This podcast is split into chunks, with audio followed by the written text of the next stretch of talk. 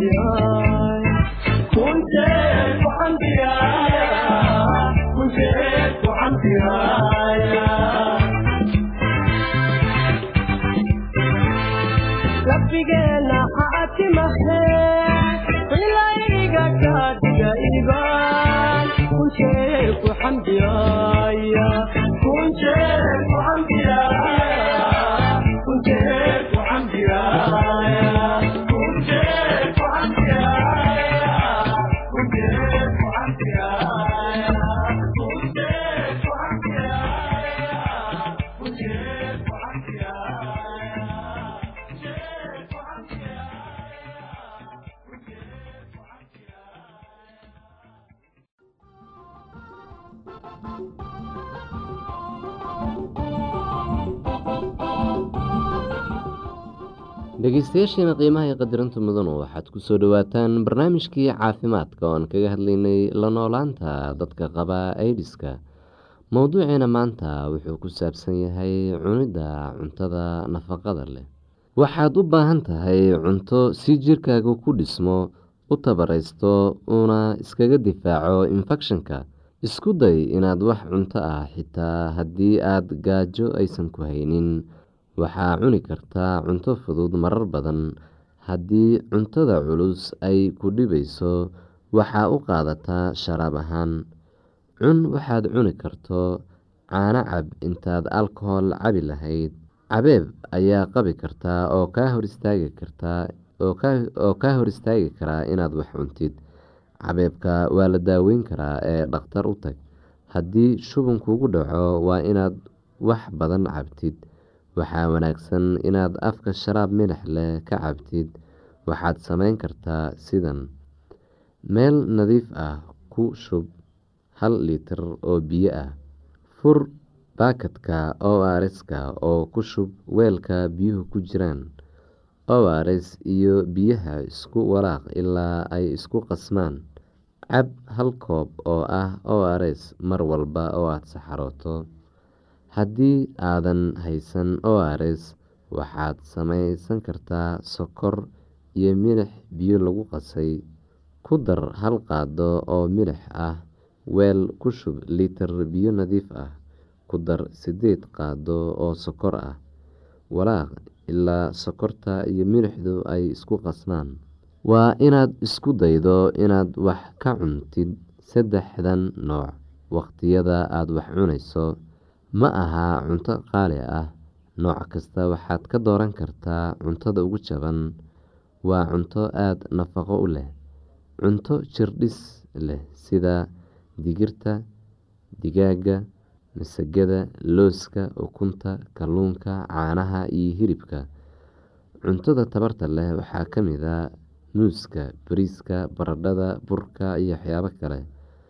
Cuntada ka ilaalineysa jirka infekshanka oo laga helo fitamiinada waxaa ka mid a khudaarta iyo salarka oo dhan.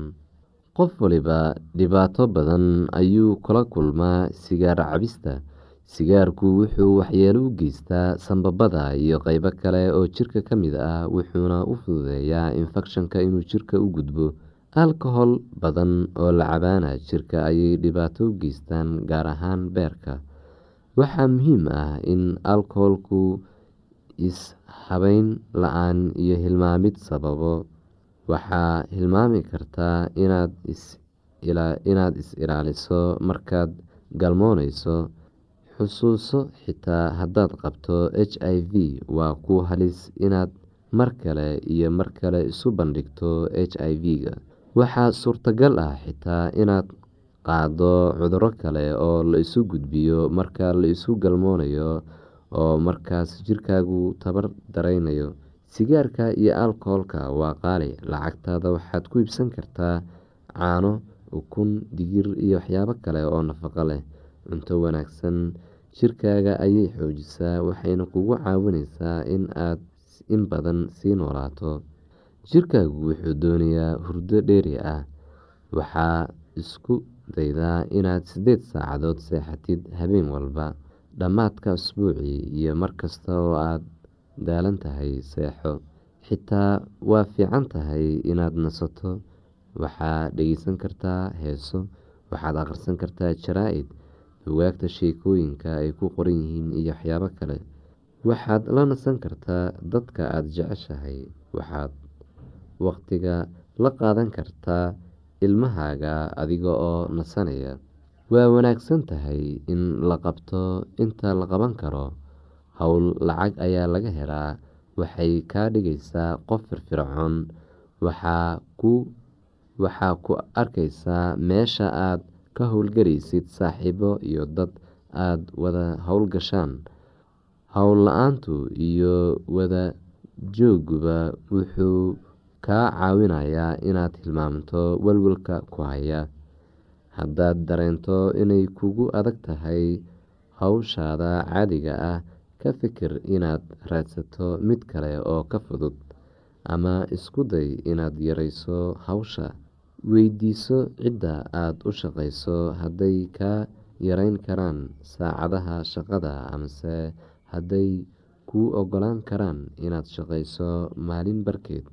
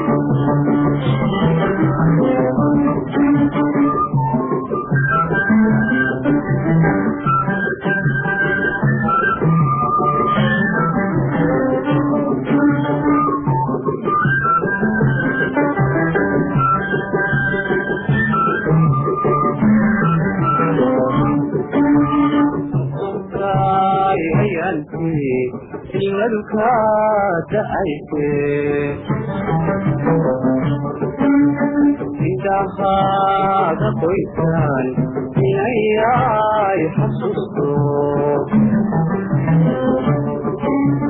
markaan ka ogo waxaan igu aburtaay amaanada ilaahay noqokumaan ilaawine noqokuman ilaawine noqokuman ilaawine aa noqokuman ilaawine Thank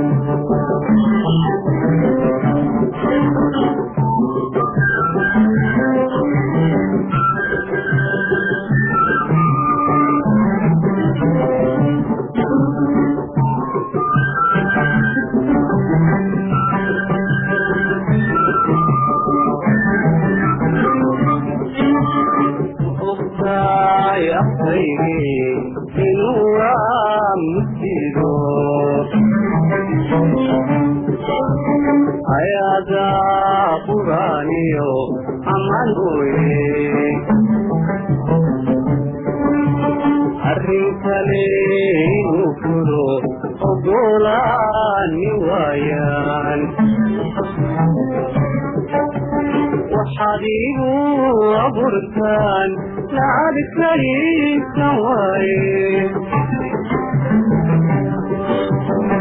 waxaad igu abuurtaan lacag kaliisan waaye amaanada ilaahay noqokumaan ilaawine noqokuman ilaawine noqokuman ilaawine aa noqokumaan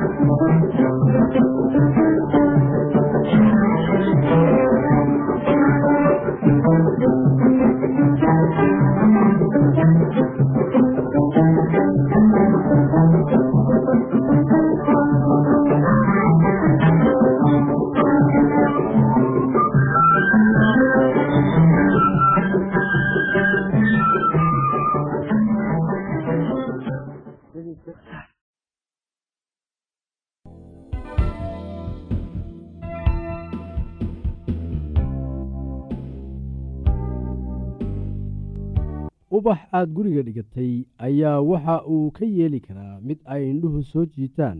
Ha ahaato guriga dhexdiisa ama gudihiisa. Waad waraabin oo korinaysaa wuxuuna guriga u keenayaa qurux. Waxaa wanaagsan inaynu soo gebagabayno barnaamijkan ku saabsan indhaha soo jiidashada ama quruxda guriga.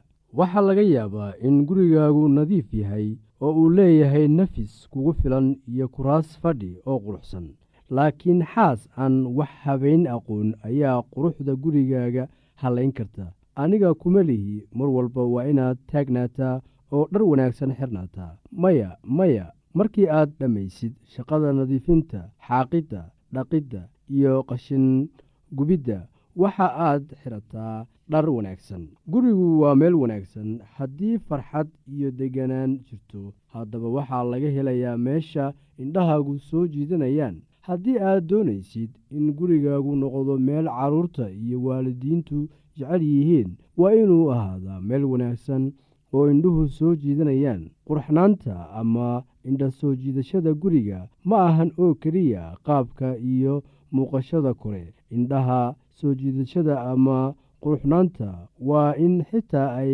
xaadir ku tahay dabeecaddaada iyo ruuxaada taasoo ah midda ugu muhiimsan sida aad u nooshahay xiriirka idinka dhexeeya adiga iyo xaaskaaga idinka iyo carruurtiinna si aad u wajahdo wakhtiga aad faraxsan tahay iyo wakhtiga aad murugsan tahay naxariistaada daacadnimadaada shaqadaada iyo adeecaaga. Kuwan oo idil ayaa gurigaaga qurxin karaa haddii aad aadi bari waqooyi galbeed ma helaysid meel ka fiican gurigaaga bal iminka iyo haatan walaalayaal aan xogaa dib ugu noqonno oo aan xusuusanno wax ku saabsan meel indhahaagu soo jiidanayaan oo ah barnaamijkeennan kuna saabsan xagga nadaafadda guriga.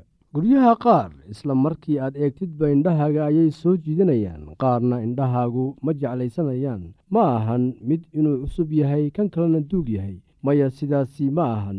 Waxaa jira guryo badan oo duug ah laakiin haddana indhahaaga soo jiidanaya qaar cusubna ay indhahaagu diidayaan. Waxaad isweydiisaa maxaa keenay kala duwanaanshahaas? Taasi waxay ku xidhan tahay qofka dooqiisa waxa uu doorbidayo waxa uu jecel yahay iyo waxa uusan jeclayn. Inaad gurigaaga wanaajiso oo aad qurxiso macnaheedu ma ahan inaad isticmaashid lacag badan. Bal marka hore aynu sharaxno oraahda ah indha soo jiidasho taasoo aan aad ugu isticmaalayno barnaamijkan. Gabdhaha qaar ayaa waxa ay ku fikiraan labis indhaha soo jiita inuu yahay oo qura kan casriga ah ee ugu dambeeya ama darees laga soo iibiyey magaalada. Laakiin sidan ma ahan xitaa marka la eego labiska.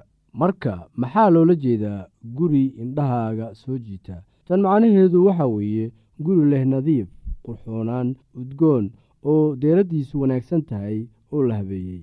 In meel aad ka dhigto meel wanaagsan oo indhahaagu qabanayaan waxaa loo baahan yahay ahmiyad dadaal dheeraad ah iyo aadaab aad ku xaajisid wixii aad fulisay. Waxaan xusuustaa markii aan soo barbaarayey markii aan dhallinyarada ahaa waxaa subax walba aan soo agmari jiray gurigoo markii aan u socdo dugsiga. Markii hore waxaynu u fiirsanay oo aynu aragnay in gurigaas iyo kan u dhow ee deriska la ah aanay isku mid ahayn. Labada guriba waxaa ku yaalay geedo halka iridda laga soo galo. Gurigan qaas ahaan mar waliba waxa uu ahaa nadiif oo waa la xaaqay. Caleyntii soo daadatayna waa laga guray. Xitaa waxaad arki kartaa caleynta qoyan ee soo daadatay kadib markii halkaasi la xaaqay. Mar waliba oo aynu meeshaas soo marnaba. Gurigaasi waxa uu ahaa nadiif oo waxaynu u bixinnay magac innaga oo ugu yeerayna nadiifsane. Runtii ninkan waxa uu lahaa ahamiyad iyo dadaal uu samaynayey iyo aadaab awood siisay inuu shaqadan fuliyo oo ay meeshu ahaato nadiif isbuuc ka isbuuc. Hase yeeshee abaalgudka dadaalkiisu waxa uu noqday mid ka weyn kii uu filanayey waxaad dareemaysaa waayo aragnimo ah isku kalsoonaan iyo waxqabad marka adiga laftaada aad gacan ku leedahay dadaal kasta way u qalantaa haddii ay tahay guriga gudihiisa ama dibaddiisaba.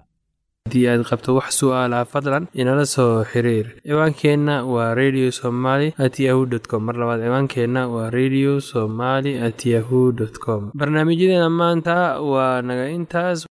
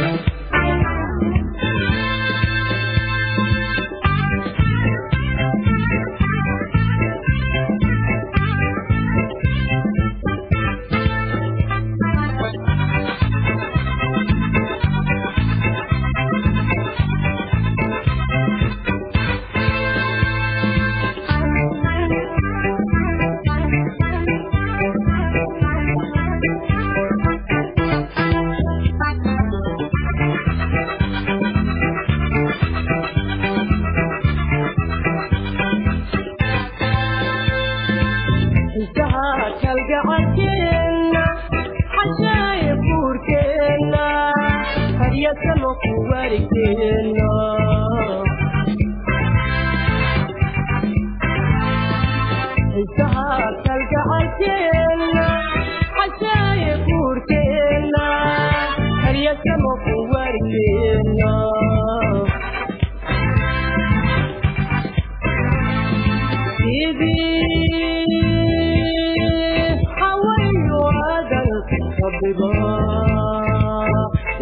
inoo